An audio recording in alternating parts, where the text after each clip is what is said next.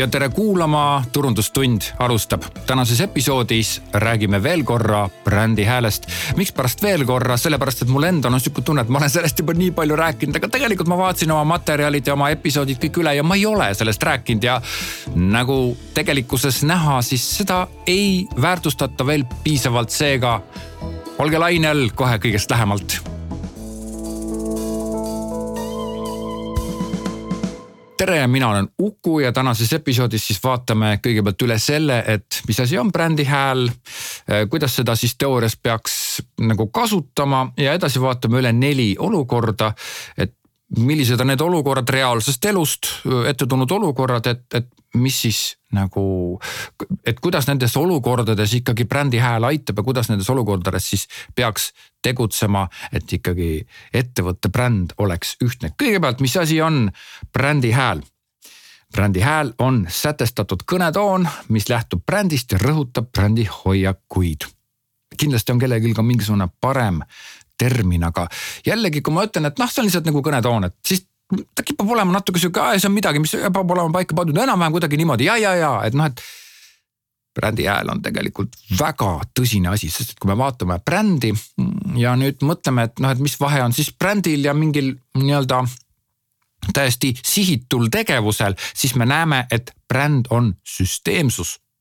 Ja kuidas bränd töötab, siis bränd töötabki läbi süsteemsuse, mis on nii hetkes kui kõikides meediumites, kõikides ka toodetes muideks, teenustes kui ka kõikides kommunikatsioonikanalites kui ka ajas. ta on püsivalt sama, ehk siis bränd töötab tänu sellele, et ta on süsteemsus. brändi hääl aitab brändi hoida, see on üks nii-öelda tööriistakene, üks, ma ei tea, kruvikeeraja mutrivõti kogu selles tööriistakastis.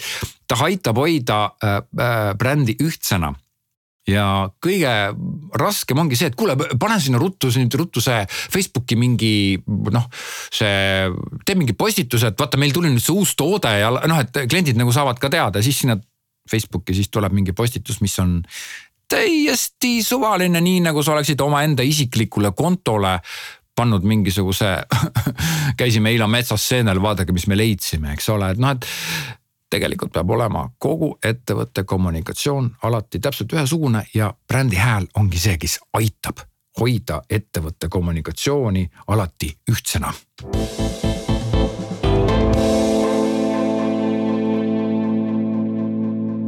kuidas siis peaks teoorias kasutama brändi häält? enne tekstide kirjutamist sa pead selle lihtsalt nagu endast läbi laskma. lihtsalt lased silmadega läbi sellest äh, nii-öelda tekstist brändi hääle kirjelduses siis jah. lased lihtsalt silmadega üle või tuletad meelde või, või kui keegi teine kirjutab, siis sa saadad talle selle ette, et kuule vaata, et kindlasti hoia kinni, meil on nagu brändi hääle see tonaalsus on nagu paika pandud siin, et vaata, loe see korra üle ja kindlasti hoia sellest kinni ja. ehk siis ta peaks iga kord peaaegu iga kord, kui sa muidugi päevas mitu korda kirjutad ettevõttele, sul on see kulub pähe juba, siis tegelikult ikkagi mingi aja tagant soovitan selle nagu uuesti üle vaadata ja alati kinni hoida sellest ühest äh, brändi hääle dokumendist, mitte muuta seda või kui muudad, siis muudad seda teadlikult, aga muudad sedasi, et hiljem oleks hea naasta sellesama kirjelduse juurde. ehk siis brändi hääle puhul on, on hästi oluline ka see esitlus.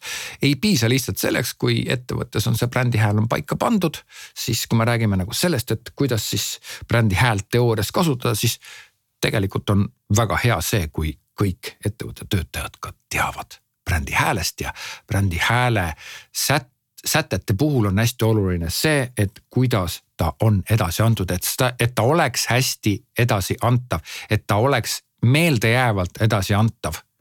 selline on siis nagu see äh, moodus, kuidas nüüd brändi hääl teoorias peaks töötama.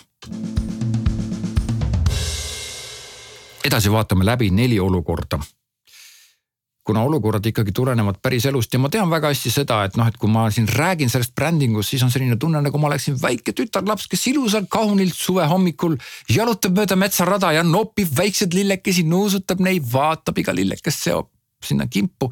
siis tegelikult on tööelu selline, et see on selline karm, sihuke räigelt mo modernne rauast vedur, mis tuhiseb kolmsada kilomeetrit tunnis edasi, sellepärast et sul on kogu aeg nii kiire ja siis sa pead seal muude tegevuste vahepealt veel ka lillekesi noppima ja sa ruttu püüad mingit lilli võtta ja need lilled peavad sama head välja nägema. ja nüüd piltlikult see lillede noppimine on siis see kommunikatsioon ja tegelikult on hästi kiire ja ei olegi nagu, ei olegi nagu aega sellega tegeleda. aga tegelikult ei ole hullu midagi. vaatame üle esimese case'i, ma üritan tuua teile väikeseid olukordi ja lahendada need olukorrad selle jaoks, et, et te saaksite nagu paremini ja kindlamini ja süsteemsemalt hoida omaenda brändi esimene olukord, firmasisene kokkulepe.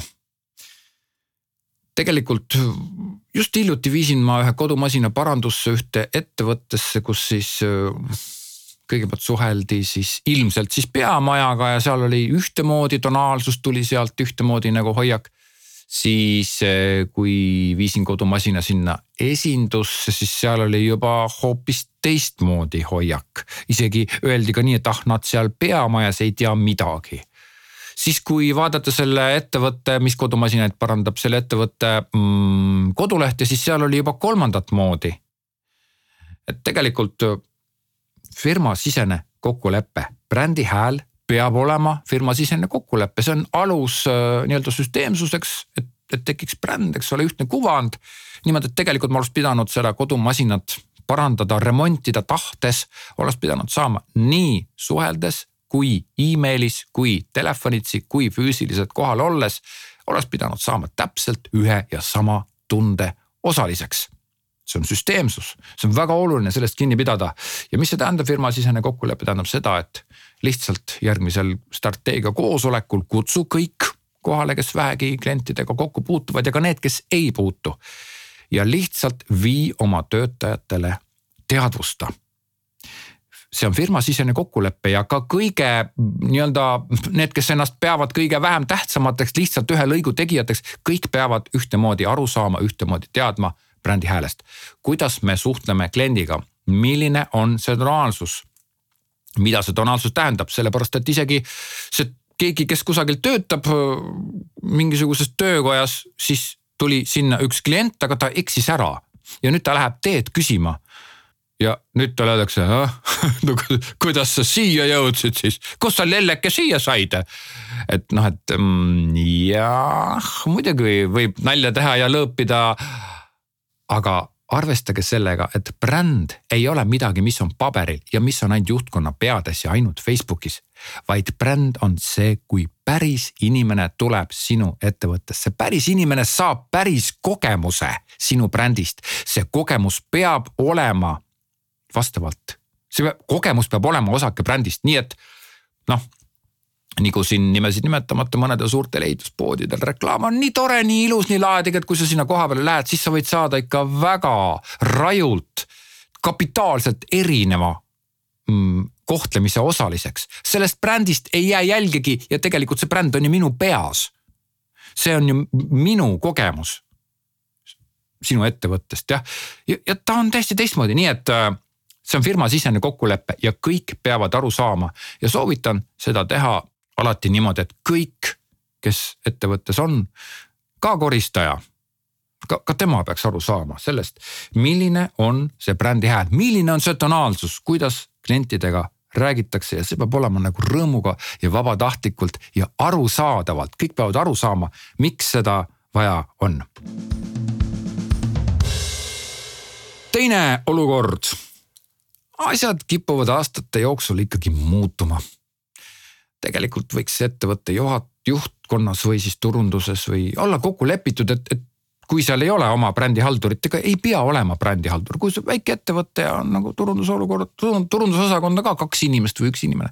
keegi peaks olema, kes hoiab sedasama brändi ja see bränd peab olema hoitud aastate jooksul. ehk siis teine olukord on see, et aastate jooksul ta kipub ikkagi ununema ja tulevad uued inimesed, nagu ma alguses juba rääkisin ja tulevad uued tuuled. Ja tulevad uued, ma ei tea, kõik. Tegelikult jube oluline on see, et see bränd oleks alati ühtsena, sellepärast et see süsteemsus ei puuduta ainult seda, et me andsime raadioklipi, me tegime reklaamartikli, tegime Facebooki postituse ja vastame kõnele ühtemoodi. aga ülejärgmisel aastal me räägime teiega juba natukene teistsuguses toonis siis tegelikult see süsteemsus ju läheb kaduma, aeg on üks täpselt samasugune mõõde nagu on mingisugune, ma ei tea, erinevad formaadid või aeg on, võtame niimoodi, et, et turunduse jaoks on aeg on üks formaatidest. ja, ja tähendab olla ajas samasugune, see on vahel isegi kõige raskem. aga mõtle nüüd selle peale, et on olemas inimene, kes on kolmeteistaastane, miks ma nii keeruliselt räägin okei okay,, ütleme ikkagi niimoodi, on olemas inimene, kes on kolmeteistaastane, see inimene on mitme aasta pärast sinu klient.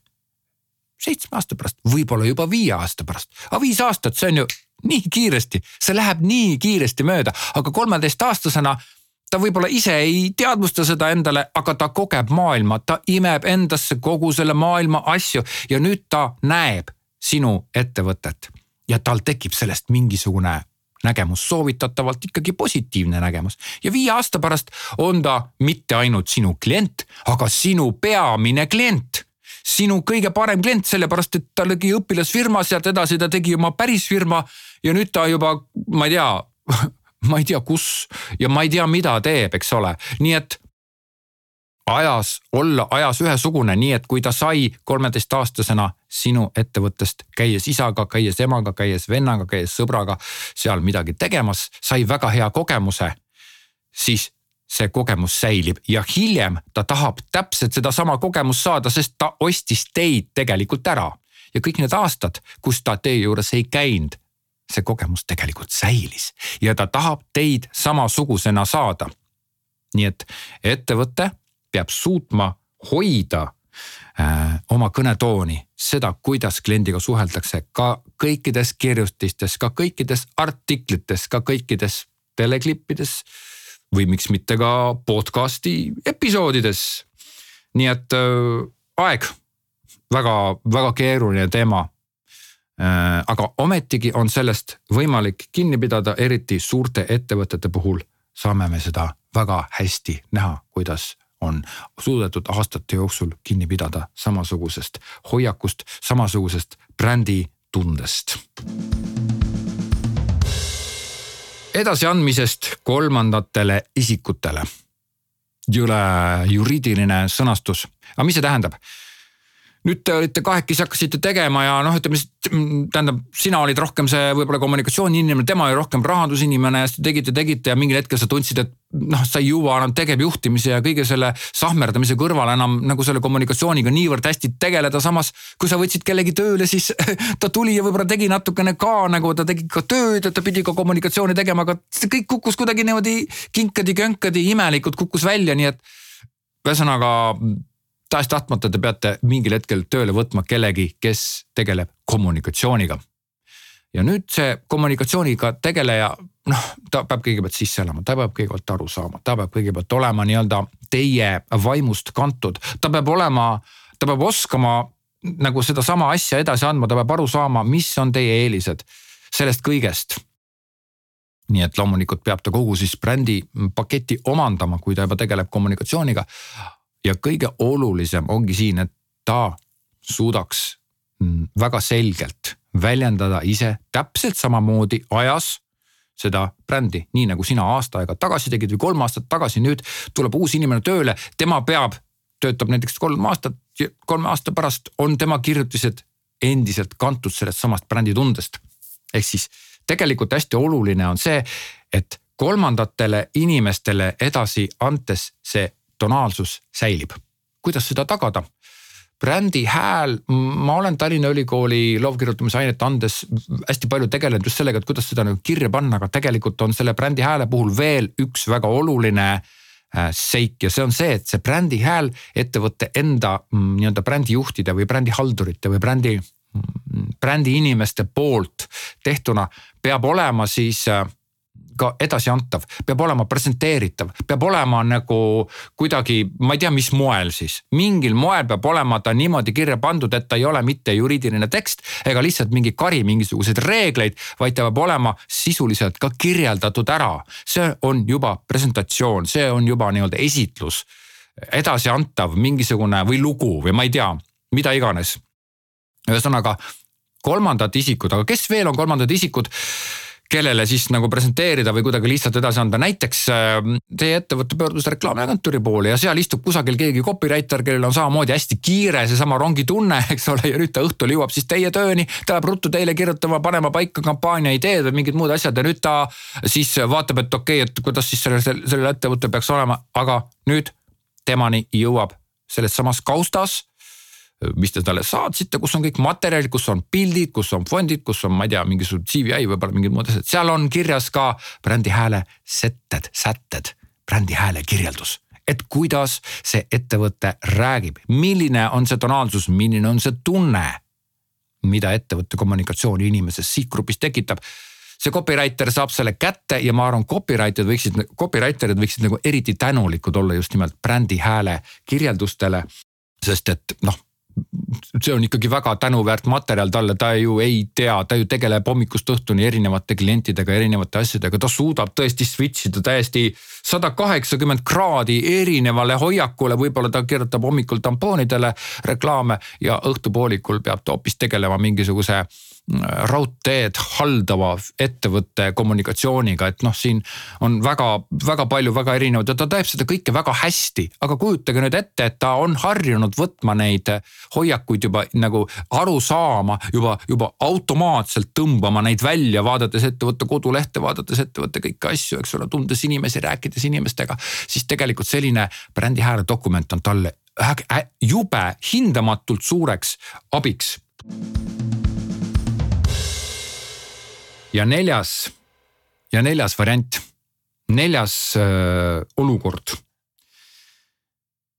neljas olukord on nüüd natukene keerulisem, aga jällegi väga realistlik. see on alus mitte tekstiliste meediumite läbiviimisel, realiseerimisel. mis see tähendab? ettevõttes on teil näiteks äh, photoshoot. nii, väga hea mis see photoshoot, mis, mis see photoshoot siia puutub? tegelikult see kõik, kogu ettevõtte kommunikatsioon peab olema ju kantud sellest, et te tekitate ühtse tunde ja seda nii-öelda bränd aitab seda hoida läbi süsteemsuse.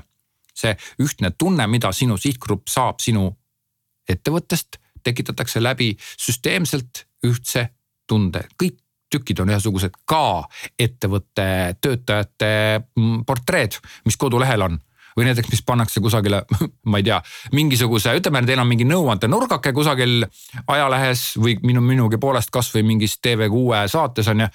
ja alati on seal all selle inimese pilt, kes seda nõu annab. nüüd on küsimus, et kuidas me lähme, kuidas me pildistame seda inimest, kuidas see pilt on nüüd võiks öelda, et okei okay,, lähme ära fotograafi juurde, teeme sealt mingi ilusa pildi.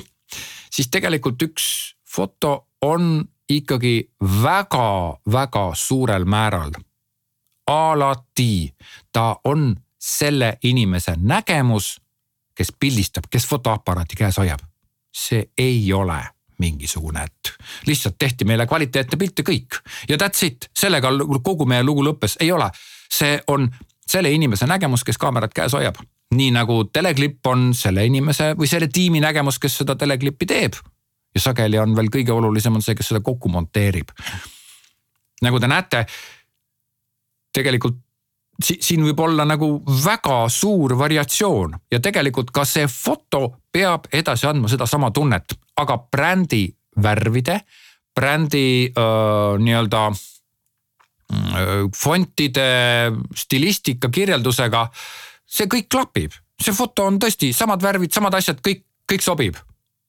aga lihtsalt seal tekib nüüd mingisugune selline väikene error, pisikene, pisikene error ja see error võib olla väga kummalistel, kummalistes kohtades, aga sisuliselt väga olulistes kohtades, näiteks mm, oletame, et kõik inimesed peaksid naeratama, aga mõni inimene ei naerata. noh, see selleks, ega, ega see on loomulik, et tänapäeval kõik naeratavad jah.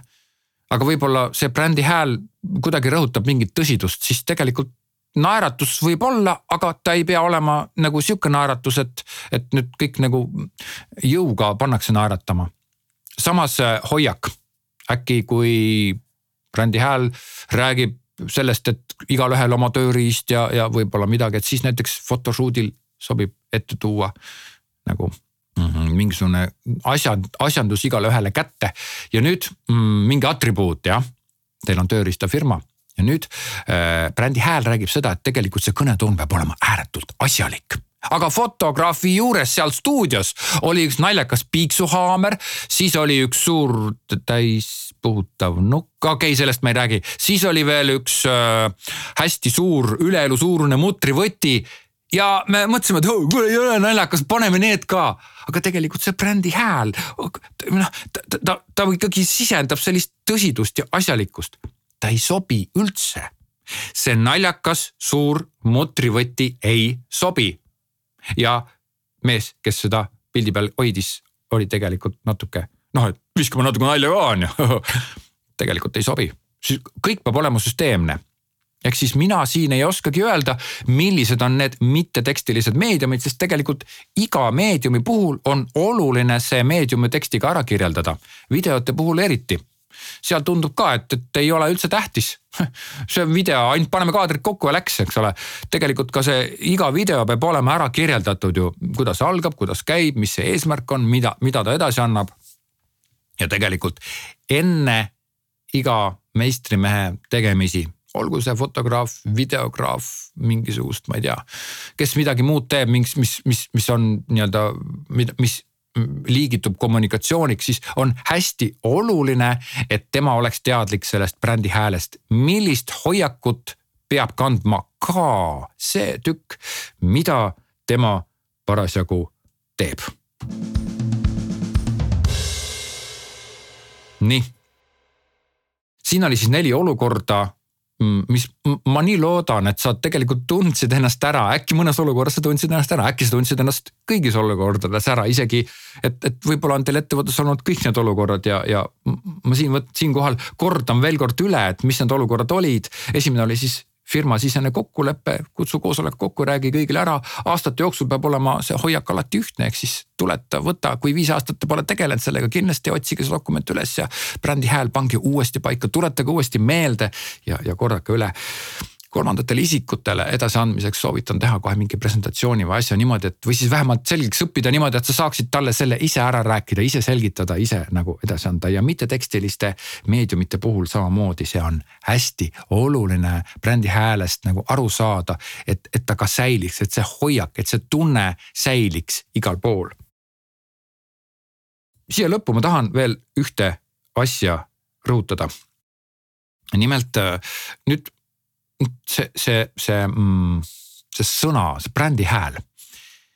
ma olen seda õpetanud kirjutama ja, ja vahest see tekitab inimestes nagu sihukest no päris suurt segadust jah, et, et noh brändi hääl ja miks seda vaja ja kuidas seda vaja, kiputakse rääkima ikkagi sellest ettevõttest seal brändi hääles, et meie ettevõte on teinud seda ja teist ja kolmandat, ei. brändi hääl peab kirjeldama ainult seda, kuidas mitte seda, mida. ehk siis kuidas, millises toonis, milliseid sõnu kasutades, milliseid hoiakuid kasutades, millist tunnet tekitades, millist ja ei saa öelda, et meie ettevõtte, äh, brändi, meie ettevõtte reklaamid peavad olema kirjutatud kõik sellises toonis, et inimesed saaksid aru, et me oleme kõige parimad Eestis. noh, see on jabur see, ta, ta peab ikkagi väljendama mingisugust sihukest tunnet, mingisugust konkreetset asja, ei saa nagu mingisuguseid abstraktseid siukseid või formaalseid nii-öelda väärtusi ja, ja mõtteid istutada brändi hääle sisse. ma olen kohanud väljamaal, välismaal suheldes, otsides materjali, tegeledes päris palju sellise asjaga nagu brändipiibel. mis asi see on? see on nüüd nagu segu CVI-st, brändi häälest, ettevõtte ajaloost, ettevõtte nagu väärtustest, statement idest, missioonist, visioonist aga ta on nagu rohkem nagu jutustatud läbi loo. ja ta on ka selline dokument, mida võib avalikkusele näidata, sest et ega tegelikult ettevõtte kõiki brändi asju, no eriti strateegilisi, mis puudutavad siin ma ei tea, strateegiaid ja muid asju, ega noh, neid päris kõiki nagu paika panna ei saa või sihtgrupi kirjeldust tegelikult noh, et kui, kui sihtgrupi kirjeldus on nagu paika pandud, et seal on ikkagi läheb päris täpseks asi, siis, siis näiteks brändipiiblis võiks see asi olla kirjeldatud kuidagi teistmoodi, et need on need lõbusad inimesed, kes, kes tunnevad samamoodi kui meie, aga tegelikult brändi sihtgrupp on paika pandud noh, suhteliselt ikkagi väärtusmaailma põhiselt ja, ja hästi konkreetselt ja, ja võib-olla sihtgruppid ja on seal toodud sisse mingid erisused, aga see on juba strateegiline info ju. aga brändipiibel aitab seda brändi häält hoida ja brändipiibel, ma noh, see on ka midagi sellist, mida võib-olla esimese hooga, kui sa tõesti tegeled brändiga ja kui sa seda brändi äh, nagu hoiad ja sa oled sellest saanud ja sa, ma ei tea, oled saanud selles mõttes, et teile tehti see bränd nagu vormistati ära nii, nagu te tahtsite ja sa tõesti usud sellesse, et siis hästi oluliseks osutub kokkuvõttes brändi puhul ju see, et kuidas seda sama väärtuste kogumit, seda niivõrd keerulist, komplitseeritud süsteemsust edasi anda ja siis see brändipiibel ongi see, et aga see, kes seda pilti teile tegi seal meeskonnapilte, siis saatsite talle ette brändipiibli, aga seda on hea lihtne saada, ta võib olla PDF, võib-olla on paberikujul, no ta ei peagi olema paberikujul, see on kallis, aga ta on PDF jah. ja, ja, ja PDF räägib sulle selle loo väga lihtsalt ära nii et, et ta, et ta, ta saab aru, milline peab see hoiak olema, milline on see kalduvus ja siis ta juba teeb teile omad pakkumised, milline see pilt peaks olema. siis ta teeb teile juba omapoolsed lähenemised ja siis te võite juba vaielda, et kas fotograafi paigu- äh,, pakutud mm, nagu fotomõtted sobivad selle brändipiibliga või mitte, sest et ega, ega noh, nüüd päris igale inimesele, kes näiteks mingit mingit tööd teile teostab või kasvõi artikleid kirjutab. kas talle nagu ka päris kogu seda brändi kausta nagu tasub edastada? võib-olla tasub, aga igal juhul see, see brändi piibel on midagi sellist, mida ma soovitan teha ja ma loodan, et ma leian üles siin all, siiasamasse episoodi alla uhu.ee lehel, kus mul see episood on ka üleval nagu koos tekstide, kirjelduste ja asjadega ma loodan siia alla, et Desigualil oli jube kihvt brändiviibel, mulle nii meeldis seda kasutada oma töös, loovjuhi töös, et seda on päris hea alla vaadata ja see on täiesti avalikult internetist kättesaadav ja see töötab ühtepidi nagu brändipiibel, teistpidi ta töötab ka nagu reklaam. ta on nagu mingi sihuke tunnustav, üht, ühtsena hoidev, emotsionaalne, samas väärtuseid väga kindlasti rõhutav dokument. ma loodan, et ma leian selle ülesse. see oli, oli olemas. nii, aga mul on sihuke tunne, et ma olen nüüd katnud ära terve selle jutu, mis mul siin olid podcast'i episoodi märk, märkmed olid ette tehtud, ma kandsin kõik need teemad edasi ja samas ma ei laskunud liiga detailidesse, sellepärast et online.topiva.ee on selline e-kursus nagu reklaamtekstide kirjutamise põhialused ja reklaamtekstide kirjutamise põhialuste kursuses on siis võimalus ka üks loeng on seal nagu brändi hääle loeng ja seal on sul kohe võimalus endal ise kirjutada brändi hääle tekste ja saata mulle ja mina annan kohe nende kohta tagasisidet, mis sa oled kirjutanud ja, ja nagu selgitan ja aitan sul paremini paika panna, paremini aru saada ja paremini näha ja tajuda seda, kuidas brändi hääl töötab ja tänaseks korraks ongi kõik, ma loodan, et ma sain olla abiks, et sa said siit mõtteid, et sa said siit teadmisi, et sa said siit kasvõi inspiratsiooni, kuidas oma asju teha või siis, et kuidas oma asju ettevõttes mitte teha. kõik muusika on pärit helipank.ee lehelt ja minu teenustega saad tutvuda ja tellida minu teenused minu käest uhuu.ee lehelt kohtume teiega järgmisel korral ja seniks olge tublid ja hoidke ennast. tšau